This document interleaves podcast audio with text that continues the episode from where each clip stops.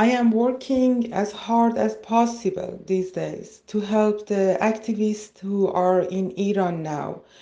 I feel we are getting close to the end of the Islamic Republic, and it is not too far from the day I will hopefully return to my homeland. This was the message I received from an Iranian friend Masia Balasan a few days ago, and it became a starting point for this episode. My name is Berta Tilmantaite. You are listening to Nara Podcast. On the 16th of September, Mahsa Amini, a 22 year old Kurdish woman, died in Iran after being detained by morality police because of allegedly wearing hijab too loosely. Witnesses said she was severely beaten and died as a result of police brutality, but Iranian authorities denied it. The death of Mahsa Amini sparked the protests in Iran, counting its seventh week now. The human rights activist news agency states that around 300 people had been killed during the protests, including 46 children. Protests have been taking place in 133 cities and towns and 129 universities. Over 14,000 protesters have been arrested, including around 300 students. According to Iranian government, at least 36 members of security forces were also killed. Tehran's chief prosecutor announced that over a thousand protesters have been charged already. Lately, the crackdown on protests is becoming even more violent. Iran's supreme leader, Ali Khamenei, is blaming the United States and Saudi Arabia for orchestrating the unrest. Meanwhile, Iranian people chanting Woman, Life, Freedom, and Death to Dictator are demanding regime change, freedom, and equality. In this episode, I talked to two Iranian women, Masia Balasan and Shaghayegh Norouzi, who had to flee their homeland because of publicly sharing their stories about sexual violence and assaults. Now, both living in exile, they are still fighting for changes in their home country. I was forced to flee Iran after I spoke out about a series of assaults and harassment that happened to me between 2000 and 2020. These stories were published on my Instagram account. Masia Balasan is a journalist, photographer, and women's rights activist from Tehran. Two years ago, she had to flee Iran and is living in Turkey now, where she works as a lead researcher in the Iran Prison Atlas organization. In the conversation with Masi, we discussed the reasons why she had to flee Iran and the current situation of the protests in her homeland. Masi is still in touch with some of her friends and relatives there, even though the internet is being blocked and the communication is very complicated. However, Masi believes the protests might actually lead to the end of the Islamic State of Iran. What happened in 2020 after I published my stories, one of my abusers a former friend and a member of IRGC sued me and took me into court for speaking out and uh, revealing his name. Uh, I was charged with um, agitating public opinion by disseminating lies and encouraging people to uh, moral corruption and prostitution. Uh, as a result, I was sentenced to 15 months in prison. So I fled to Turkey and I asked for asylum here. Now uh, I'm living here in Turkey as a refugee. So, just to, to be clear and to clarify, you published one story or two? No, uh, no, actually, that was uh, like uh, 10 15 maybe cases some of them i didn't remember i didn't know actually uh, their names uh, and i just wrote the stories uh, but some people who i knew their names i uh, mentioned their names also. Like the story for example when i went to um, hospital to do a appendix surgery the doctor um, harassed me, but I didn't know even his name. I even before I published this in the social media, I went to that hospital uh, looking for the name of that doctor. I told the people in who works in the hospital what happened to me. Uh, but they didn't give me the name even of that doctor, so uh, I could not follow up the case. That was one example. So there were 15 stories that you experienced uh, harassment, but then at the end of it, you are the one who is punished. And none of these people in your stories had to, to face the charges, but you had. Yeah, exactly. Um, because uh, there is no way, you know, there is no way to prove it. And uh, even there are cases um, in Iran who uh, try to um, by like a legal way uh, to prove it and uh, receive their rights. But um, there is no way. And uh, you know the the people blame the victim.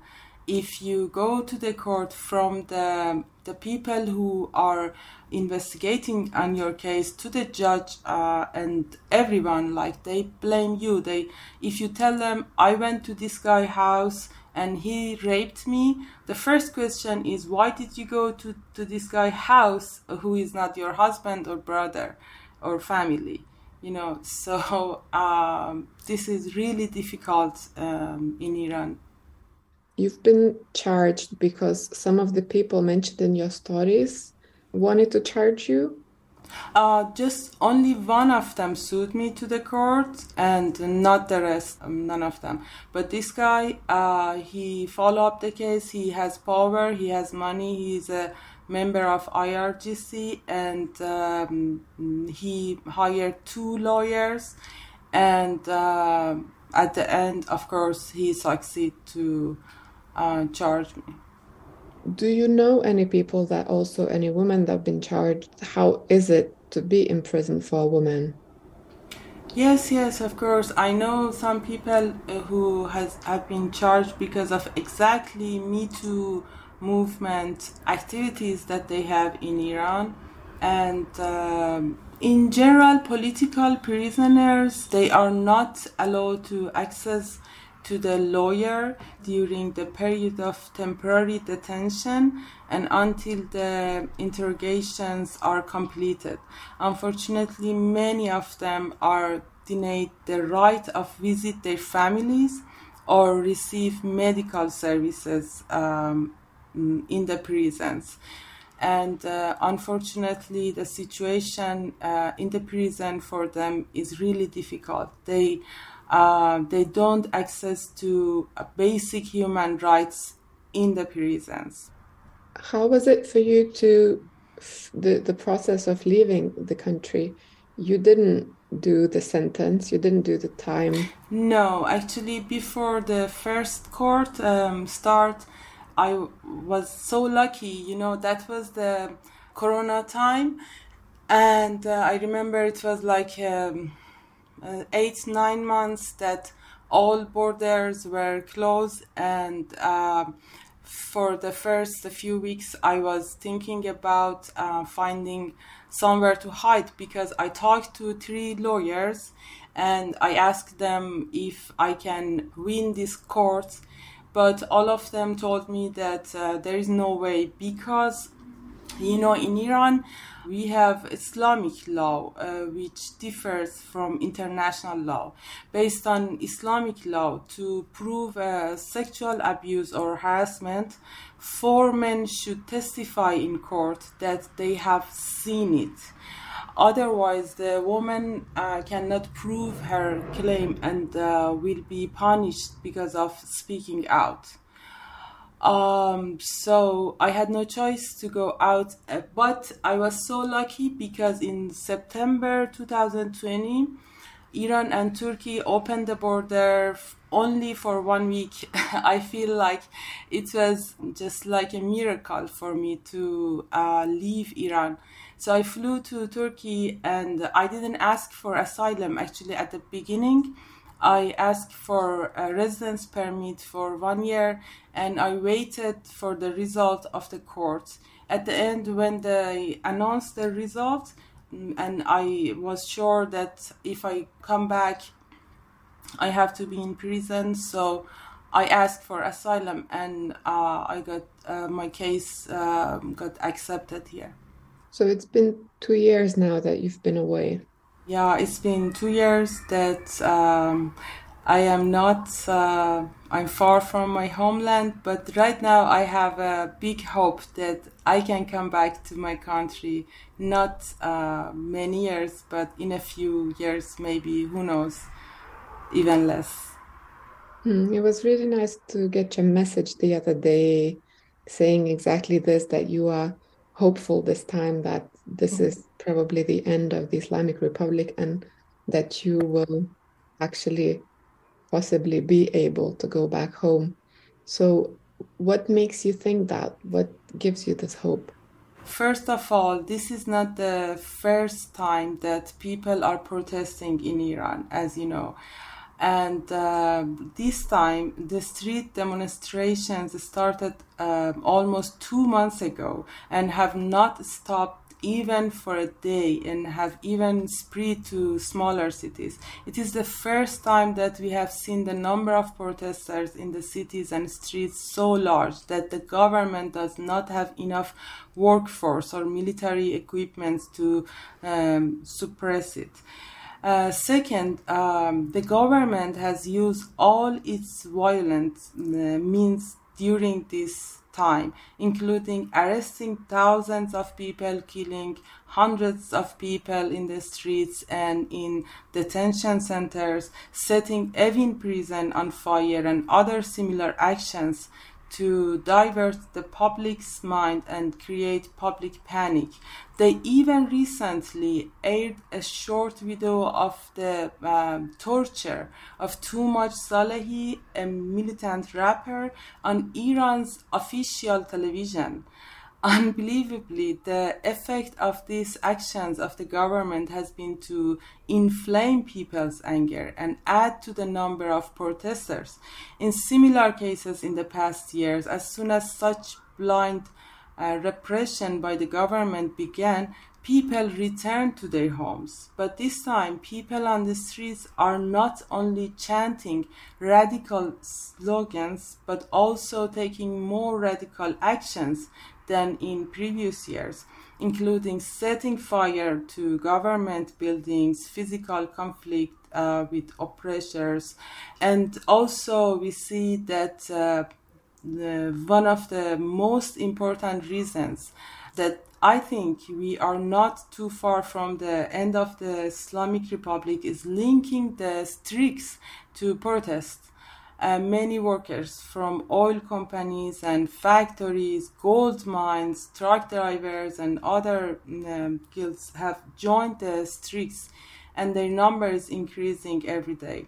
I believe the attitude of the majority of people in Iran is to overthrow the regime. Uh, and uh, also, we see many well known figures, including athletes artists and famous people who are inside Iran have publicly expressed their uh, solidarity with the protesters, which is so important, makes people be more brave. And uh, the last I can say, we also observed that uh, an example solidarity between different ethnicities has been formed inside Iran. This can be well uh, understood from the slogans and the content published on social media. For example, you see that uh, Kurdish people supporting Turkish people, these two ethnic in Iran, has a history of um, somehow uh, not liking each other that much, but now they are supporting each other, and that's that's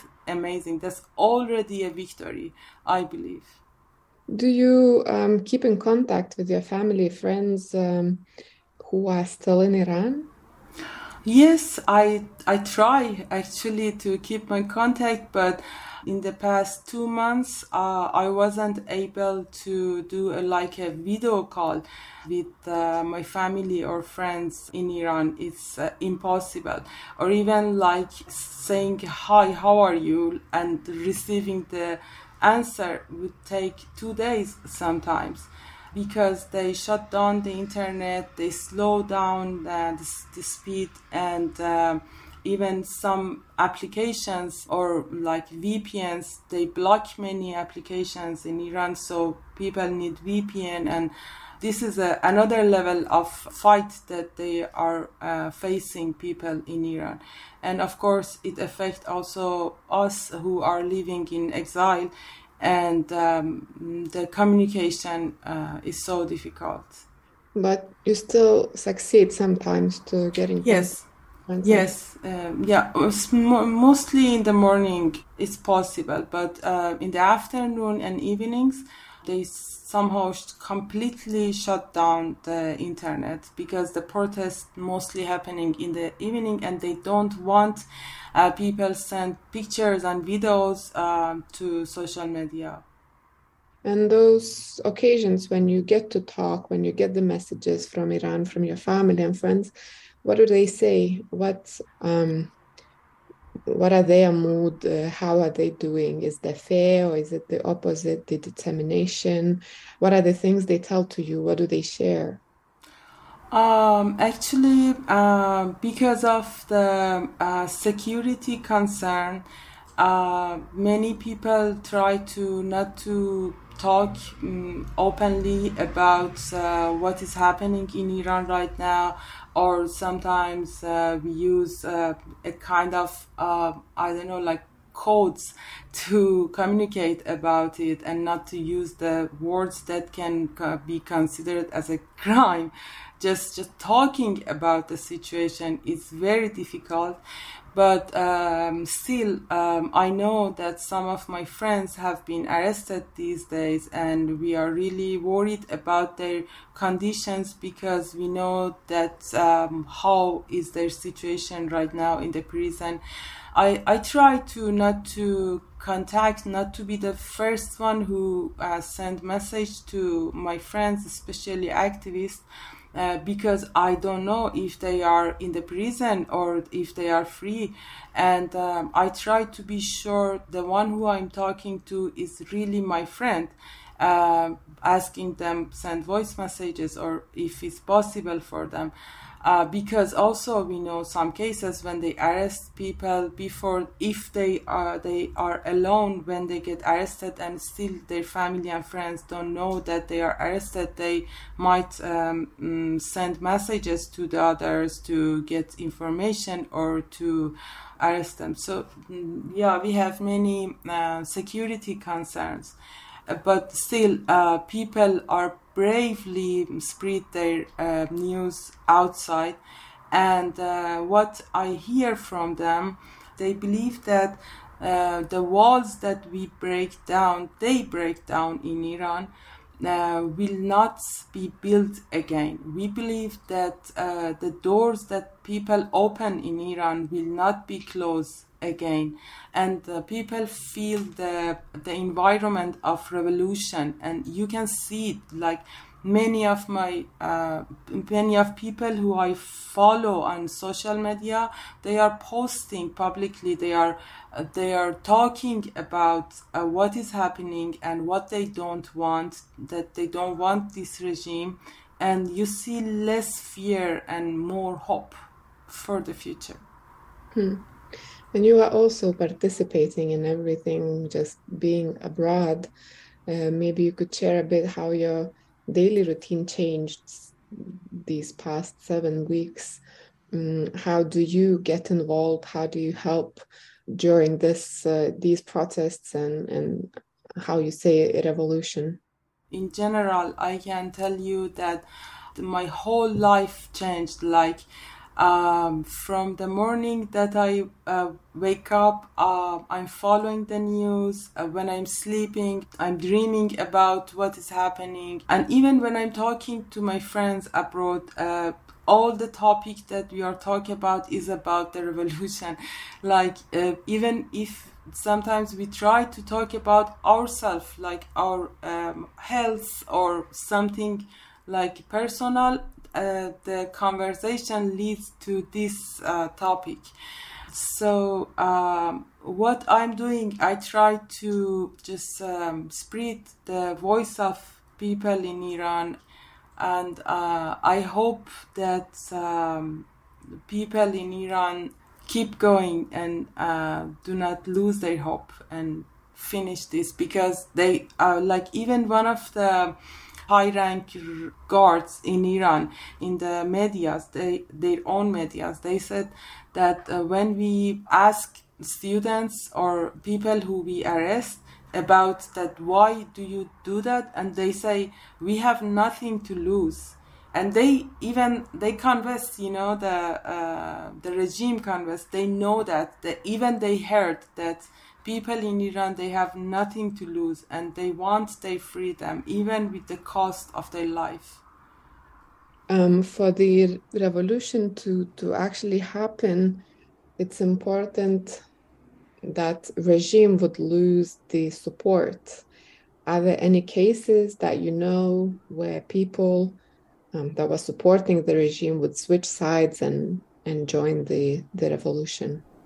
Yes, yes. Fortunately, videos have been published on social medias that show some uh, soldiers and even some military officers have um, separated from the repression system. They have published videos of themselves uh, declaring their um, innocence from the regime anonymously, of course, and joining the ranks of the revolutionaries the publications of um, confidential documents of the Islamic uh, Revolutionary Guard Corps, the police force, and, or even the judicial system uh, these days also shows that people inside this um, system are trying to help the victory of the revolution by publishing these documents, which is really helpful and uh, hopeful.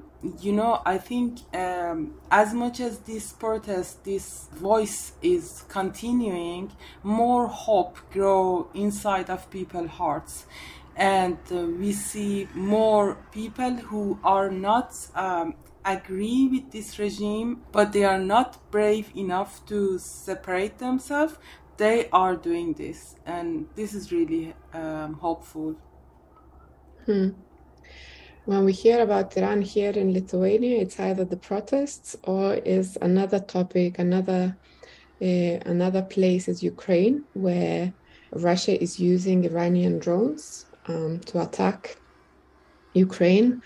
Um, so, and also, uh, I was reading that Putin was consulting around how to contain the protests and how to um, to to stop them, to suffocate them. Uh, and I was wondering if you have any thoughts about that, because this siding with Russia is a is a dangerous path to take, and um, how do you and other Iranian people see that? Um, let me be direct about it with you. I think that uh, Western governments, especially European governments, helped the Islamic Republic to survive by facilitating the Islamic Republic's access to economic resources and showing excessive flexibility to this oppressive regime. Their practical uh, measures are limited to uh, I don't know, like summoning the ambassadors of the Islamic Republic or temporarily stopping the access of the Islamic Republic to resources, like the issue of nuclear negotiations uh, which will be temporarily stopped for a few weeks and will be uh, resumed again. In the current situation, when the news, uh, as you said, has been published about the Islamic Republic helping Putin to invade the territory of Ukraine, it seems that the European governments see the danger of this terrorist regime closer to them. So uh, now is the time to choose, I think. Will um, European governments wake up? I don't know, but I hope so. Is there any division between the people in the cities who are more educated about the human rights and the people who value traditions? Are there any clashes between, for example, young protesters and their family members who might not understand um, why their kids and grandkids are putting themselves in such danger? Um, I think the social revolution in Iran uh, took place in December 2017 with the formation of nationwide protests of the Iranian people. And now we are witnessing a political revolution that is the result of the internal transformation of the people in Iran. This transformation, I believe, has um, occurred even in the traditional societies of Iran. The starting point of these protests is the first document of this claim. I think uh, the murder of Mahsa Jina Amini, a 22 year old Kurdish woman, by the Irshad, uh, the police, that was the starting point of this revolution. Um, she's a woman from a traditional society, and uh, it is not enough that uh, women in Iran are not uh, only the subject of this revolution, but also is leaders and in the forefront of this struggle. I think this is enough to see that it's time for the Western world to change its view on traditional Iranian society. They are not only aware of their rights, they are giving their life to achieve it. This is an inner transformation, and it happened everywhere in Iran.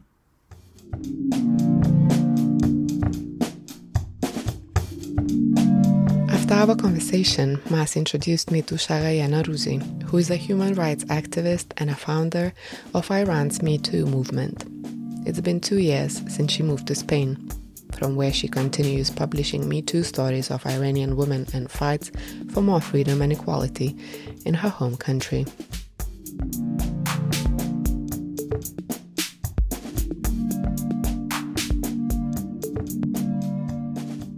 I was actress on my country. I studied theater. I started acting uh, since I had 21 years old. I was involved with women rights uh, movements, uh, very underground.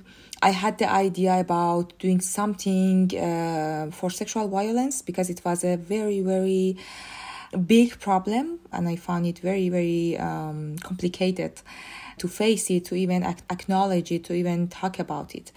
So it started from there that I felt that it's important to work about Me Too movement or a movement like this, a movement to address sexual violence, different types, and speak about why this is happening in a society. It's about law, or it's about uh, culture, or it's about what.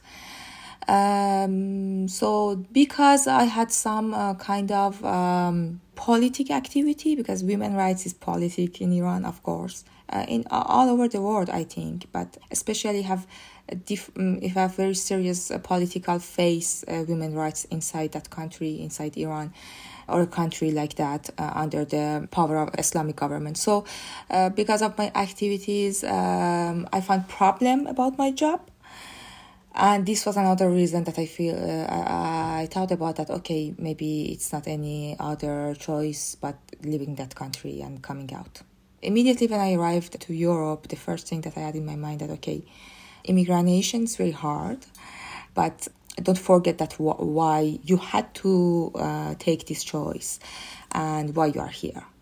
Uh, you are here because you couldn't simply work about the simple basic human rights on your country. So I start working about Me Too. I start to publishing my story, my personal story, about uh, one of my experiences on um, cinema in Iran. I had many, like lots of women there, but I just published one of them without name, without nothing, and uh, it bring a lots of attention and a lots of backlash.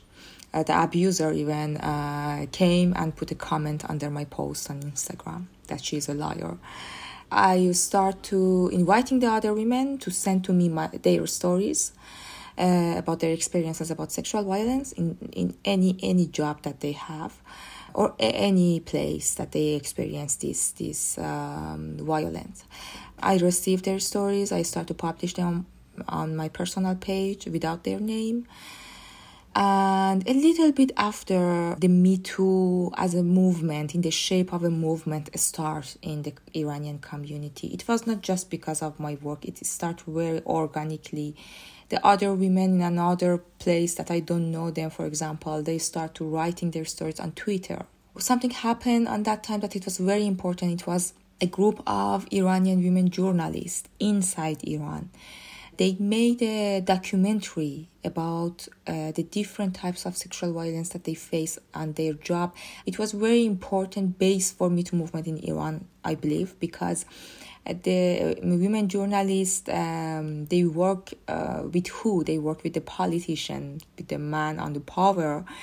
Uh, under the Sharia law, you know, the man that they are um, they are introducing these Islamic rules uh, about that uh, how women have to behave, and then they will be protected if they behave in this way. So the Iranian women journalists make clear that no, they are they are under their abuse at the same time that these men are speaking about Sharia law and want this Sharia law for all the world and all the women all around the world, at the same time they are abusing the women uh, that they come a little bit close to them just for their job. So all these things, I mean, together make the Me Too movement, and it's now two years that Me Too come inside the Iranian society. All these two years, we keep going and working free and independent and voluntary and uh, we publish narratives of the women. At one point, we decide to publish the name of the abusers, even that it's dangerous, even that maybe they can sue and they can follow us, but we take this risk. And I think the Me Too movement inside Iran, like all the movements all around the world, uh, all the women movements that we have, at, at some point they are related deeply together, and they have, but at the same time, some specific points in each geography. And in in, in Iran, the Me Too movement uh, still keep going. Women come to this kind of fights against the society and against the abusers, and address them and point them and say that we will we will uh, publish your name and um, we will stay on our position till you come and you answer. Could you share your Me Too story, the one that you shared publicly when when you started, um, when you came to Spain, or some other stories briefly that you feel comfortable sharing? My story it was one of the stories of lots of women in that country that they are working in cinema and theater uh, we uh, have to represent the shape of a good uh, women that the regime want that we represent it with a good hijab they fix our hijab you know. For example this scarf that we put uh, when you put it as an actress and you want to go in front of the camera they with with a kind of glue they fix it over um, around your face that don't move a little bit even a little bit. They completely cover your body. They put a kind of very hard elastic things around your breast for make it more more uh, yes with, without any shape. Your body should be without any shape that the normal body of a women have so with all these things and you have to go there and represent a very good uh, um, woman that she is very submissive. She is very i mean a good mother and a good woman working inside the home behind this camera they put all this pressure over on you that it's, it's not you it's not the real character of thousand women actors on that country. We live different. We don't believe to the hijab. Inside our home we don't have hijab. Inside the parties we don't have hijab. We prefer to don't put hijab even in the inside inside the streets. We drink alcohol we dance. We believe to freedom of speech. We are not agree uh, with um, the islamic dictatorship.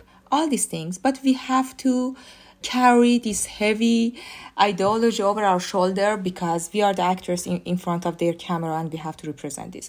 Behind exactly behind that camera, few meters uh, distance. Uh, behind that camera, what is happening for her is she's non-stop facing sexual violence, different type of sexual violence, and it's not any system for protecting the women there. We cannot speak about it to nobody because this is a systematic one. Why we say systematic there? Because different layer of power want this. It's not like this. That, for example, for my story, it was that the director that I worked with him he wanted a kind of very strange relationship mentally and physically with him. I was just a 21 years girl, uh, years old girl, very shy. Uh, that that job it was my first job and it was my I was there as a first role, um, the first role of the women on that series. It was very heavy job for me and uh, at the same time I, I couldn't handle this. I, I couldn't understand what he say why he touched me non-stop when they say cut and i go behind the camera. And how i have to face this how i have to make him understand that this is super uncomfortable for me. I don't feel safe here. I don't feel safe in any room that uh, you are alone with me and at one more and at one point when i told him that uh, very shy but i told him finally that i don't feel comfortable and i cannot focus on what i'm doing here. And i feel super bad mentally. It's a very heavy pressure over over my uh, mind. And he started to behave aggressive with me. It's a pattern of course. And he started making uncomfortable my uh, work space for me it make a big trauma to me because it was a seven months project. So seven months i suffered the situation. It was just one only uh, experience that i had. Uh, these experiences these very very dark experiences keep going till all my career that all that 12 years that i work somehow uh, i face a kind of uh, sexual violence. But i just tell you this because um, uh, I wanted to mention that it's a common story, unfortunately, for women. Um, inside that country, uh, I know all around the world, but especially in a country that still they don't even criminalize rape as a crime. So it's a very, very uh, big, safe um, space for the abuser um, to be sure that they will not they will not face a very serious consequences. And was there anything in particular that made you leave? Um, did you feel any kind of danger, threats, or um, something that you know that made you decide that okay, I have to leave? Um, I didn't. I didn't face um, serious danger like a lots of my friends that they face it these days, and they have to leave immediately the country.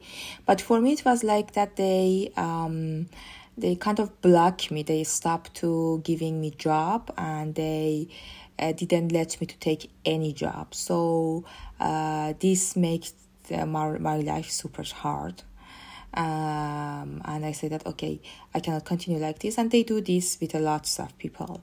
This is one method. Another method is to attack you or uh, arrest you, uh, question you for days and days uh, in the prison. But for me, it was like this: that okay, I cannot continue living here without working. So what I have to do? Could you tell me now, moving to what is happening now in Iran? How did you find out or how everything changed from the 16th of September? Uh, how did you find out what is happening? Because probably you are following constantly what is happening in the yeah. country. So could you tell me about, you know, because you said you didn't expect if someone would have asked you five years ago if this is what is happening is going to happen, you wouldn't kind of believe it that it's going to happen so fast. Yeah. So, how did you?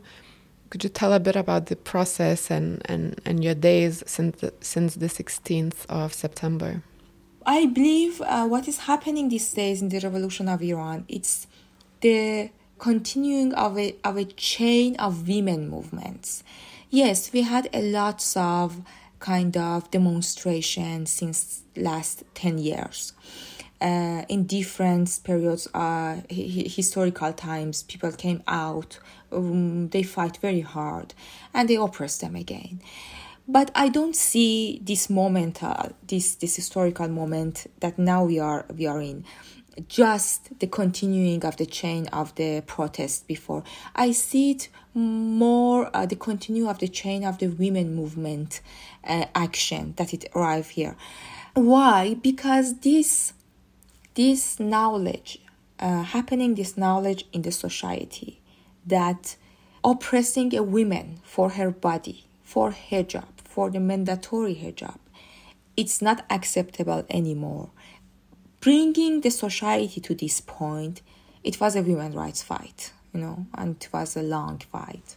But especially in the last, I can tell you, six years, five years or six years, the women's rights uh, movement became more active inside Iran and outside Iran. Uh, and social media it's it's a very very very important path for us an important point for us. Social media appraise and grow the uh, the women movement inside Iran. Because we didn't have the streets for demonstration. We couldn't very easily uh, make a kind of campaigns inside that country. So the women mm, rights activists for example like me or like the others that they they forced to leave that country and they didn't stop to working. And they start to working with social media and they start to make a keep their touch with the community with the women networks and make make these networks more strong together. I think it have a very very serious effect on the women rights movement. Hijab mandatory hijab it's a topic that's a long time that we are talking about it before than us our mothers talk about this women are the first groups that they came out demonstrating against regime after the Islamic Revolution. The first group that they came out and said that this is not correct. What what you are doing, it's not correct, and this this is this uh, have the news of something very very wrong is happening, and they they were right because Khomeini came and put the the law of mandatory hijab. And with this he didn't just oppress the women he oppressed through this law all the society. But arriving to this point that all the groups of the people men women uh, LGBTQ, the ethnics, the Baha'i people, the people, the different religions under discrimination, all come on this point, the students, the workers, and say that no, this, this this should not happen again. And this is a reason for a very very good and strong reason that why we don't want the whole regime. We want you go and we want to change the system. So i want to just tell you with all these stories that i um, say that it's not just a demonstration or a revolution against a dictatorship regime. It's a very very beautiful image of awareness around human rights in that country and this is super beautiful. Why? Because the islamic regime all these years tries so hard to keep the knowledge about the gender and about the equality back. And don't let that people think seriously about how much this is important. And we will get free if the women get free if the minority get free it, it, it was the, they were very very important points for the regime to don't make the people arrive to this. They attack the feminists they attack the, all the activists um, uh, they make fake story about us just for don't let the majority of the society arrive to this point that uh, it's something very seriously about gender rights and we have to think about it. Uh, but but the society arrived to this point finally and it was a big part of this, I think, the credit of a big part of this is the women inside Iran and women outside Iran that they work together and they keep fighting and um, raising uh, the awareness about the gender equality. Do your daily activities did they change since the 16th of um, September? What do you and other activists that are outside of Iran can and do um, for this um, uh, movement and for these protests and like other people call revolution that is happening now. Yes our life changed completely. We are day by day uh, involving with the news. We are doing everything that we can do for keeping up the voice of the people inside iran. And the other things is that we have to try to make um, effect on the uh, decision of the governments in us uh, in the democratic country. Uh, we have to make them understand what really the iranian people inside want. What they want is to don't negotiate with the regime uh, because this negotiation is the only thing that is helping them to keep going and stay and oppressing people and you know at the same time that we are losing our friends inside the country each each day one of us hear news about losing one friends with killing by the hands of the police or by arresting them. So between all these sad days the same as the people inside iran we have to keep our energy and keep continuing. Because what is clear for us is that if the streets become empty and they become again successful to oppressing the people, the situation will be worse and worse than before. And the people don't want this. So now, for the people inside that country, sometimes you can see the videos and you can ask yourself that how they took again that much risk. I think they took that much risk because it's clear for all of us that coming back to home is more dangerous to stay in the street in front of the police. So it's all our responsibility for for us, for the ones that they are, are, out of that country, and at least they are in a safe space.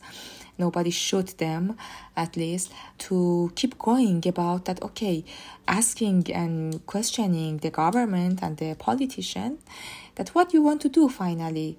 One of my friends told me from Iran other day that can you please you are there can you please ask them that how many people they need die inside Iran? Give us a list about which age and um, how many and from which country and which ethnic. We can make it for them and finally maybe they will decide if their checklist become okay to stop negotiating with the regime inside Iran we are in the street we, we, we are in front of them. They kill us every day. How many how many big should be this list? That they decided okay we have to do something about the embassy, embassies of the regime inside the democratic country. Maybe we have to limit their access. We have to stop seriously stop the economic deal with them. Seriously, we have to think to find um, other ways for these economic deals. If this economic deals is the if is about energy and is important for us and replace it. So all we want that they took a very serious decision about this. But honestly, what we see is that they are still waiting. They don't take it seriously, and they say that okay, let's see when they will oppress them. They can become successful to oppressing again if the world don't help us. Mm. It's now the seventh week of the protests. Yes. It's it's been quite a while, and on the 29th of October, so a couple of um, days ago, Iran's paramilitary Revolutionary Guard issued a, new warning threatening the protesters that this should be the last day, but the protests don't stop.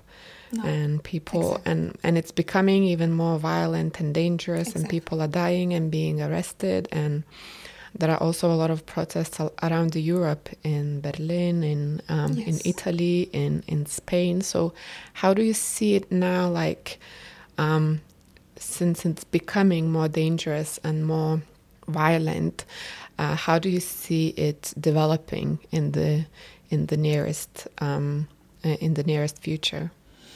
Actually, yes, you're right. Uh, it's becoming more uh, violent, especially from the uh, side of the government. Super violent what we can guess is that uh, our people will become successful in few months of course with the help uh, with the international help or i guess and lots of people guess this movement will become a very very huge underground movement.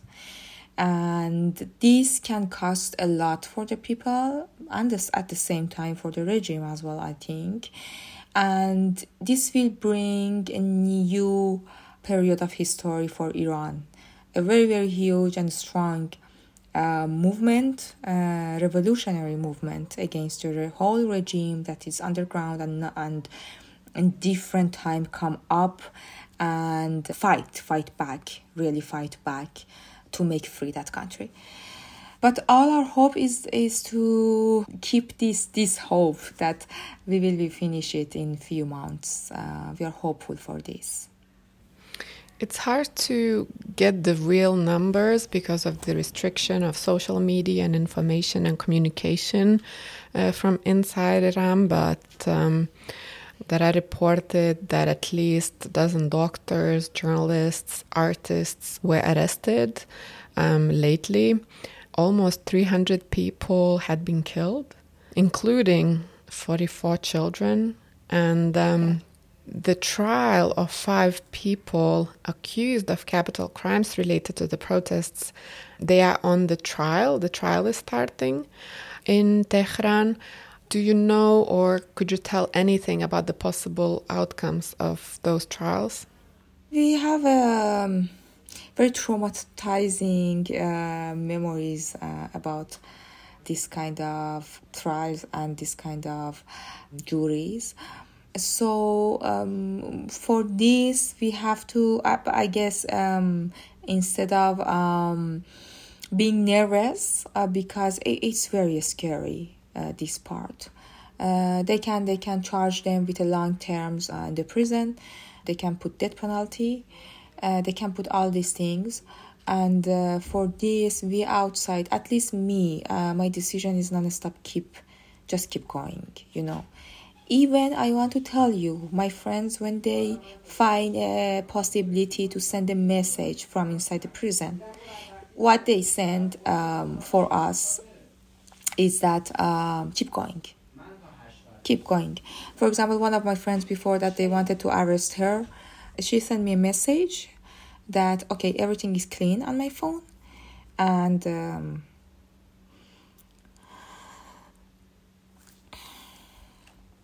and uh, publish a beautiful picture of me um so they are very very hopeful you know inside i mean um the brave face that they show um, inside the country, um, I, I don't remember it even from where when I was in Iran. We had more fears from them. Um, something very seriously changed. That um, people take a lot of risk. Um, something very seriously changed that um, this is like enough is enough and you can feel it when you talk with them even that one that they are in prison i'm sure the one that now they are in this kind of juries and thrillers uh, when if you talk with them they will tell you the same just keep going just spread the news just do what you can do. Any any things that you can do. It really seems there is this feeling watching all the women all the activists and also men You know people are determined, they are ready to pay the price uh, of being arrested, being tortured, even being killed, because somehow they believe that it's a high price to pay, but that yes. it's worth it. How do you see the coverage? Is it enough of the coverage in the media in Europe? Is the coverage um, in the way that it should be? Um, should there be more attention to some parts of the of the story of what is happening? How do you feel um, about it? We had a not bad, very. Um, I mean, we had a good coverage. I cannot deny this. Uh, I, am personally, um, I, am very thankful um, from a lots of people, a lots of journalists, a lots of activists that they try so hard, a lots of artists but you know, never is enough. Uh, for example, as a feminist, I really have this question from the feminists all around the world that uh, we need you, now we need you. Why you are waiting? You're waiting for what? It's a feministic revolution in in Middle East. How you cannot see this? How much is beautiful? How much is valuable for the women movement all around the world? in a country that it was more than 40 years mandatory hijab, censorship, gender discrimination, uh, separation of the gender, hate against the LGBTQ, hate against the women body, hate against all these things. women come up with the with the chant of women rights freedom. All the society come up with this. Where are you? Where are your uh, petitions? We are um, a feminist from a country with lots of oppression. We don't have enough access like you. We don't have even access to you um, you can at least follow up the value that's happening inside that, that, geography. It's not for us or it's not for these people. It's for all the women uh, all around the world. Hmm. A lot of people, a lot of women, LGBT community, activists, they were forced to leave the country. Uh, some of them without possibility to, to go back because of the um, serious circumstances that they could face if they uh, came back. Um, but uh, our friend in common, Masi, she texted me the other day that now she has hopes um, to actually go back home um, in the near future. Do you think yes. you would also be going back? And a lot of people, a big diaspora that is living in Germany, Italy, Spain, would yeah. be able to go back? Yeah, we have this hope, of course. Uh, because um, the moment that you feel you leave your country and the, the, that moment that you feel, oh, okay, I cannot come back, this is a tra- tra- tragic moment. Um, that you think, oh, okay, maybe um, I will never see again um, that house my grandfather had, that that avenue, that that door, that you know um, this is tragic, really. It's very hard feeling. But yes, all of us, we have now again this hope that maybe no, maybe it will not take that much, that long time. This is what one thing that is clear. It's that this regime will not stay forever. This is clear. Um, but um, on another hand, um, it was not it was never clear for us that when this will be possible for us to come back. Uh, this is very close to us these days uh, and it's beautiful this hope. Um, um, but you know because the the um, the road and the way um, it's not a it's not a soft and easy way. One day we are hopeful another day not. That and that is normal uh, revolution is hard, of course. Um, it's an up and down feeling non-stop for each of us. But if you want to know that we have this hope, yes, and sometimes very, very strong. Well, that's important and helps yes. to keep going. Thank you very much. Thank you for your time keep thank you for your time. Stay strong stay safe. I hope that uh, all your thank friends that are in iran also gonna gonna stay safe gonna go through it. Thank you very much.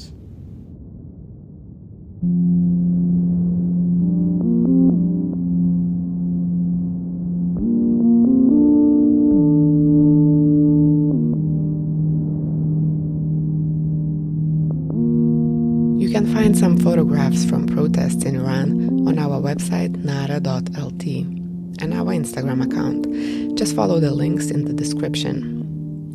This episode is partially funded by the Active Citizens Fund and also by you, our listeners. Contribute.lt slash Nara is where you can support our work with monthly donations. Indrė Kiršaitė is the editor of this episode. Music was composed by Martynas Gailus.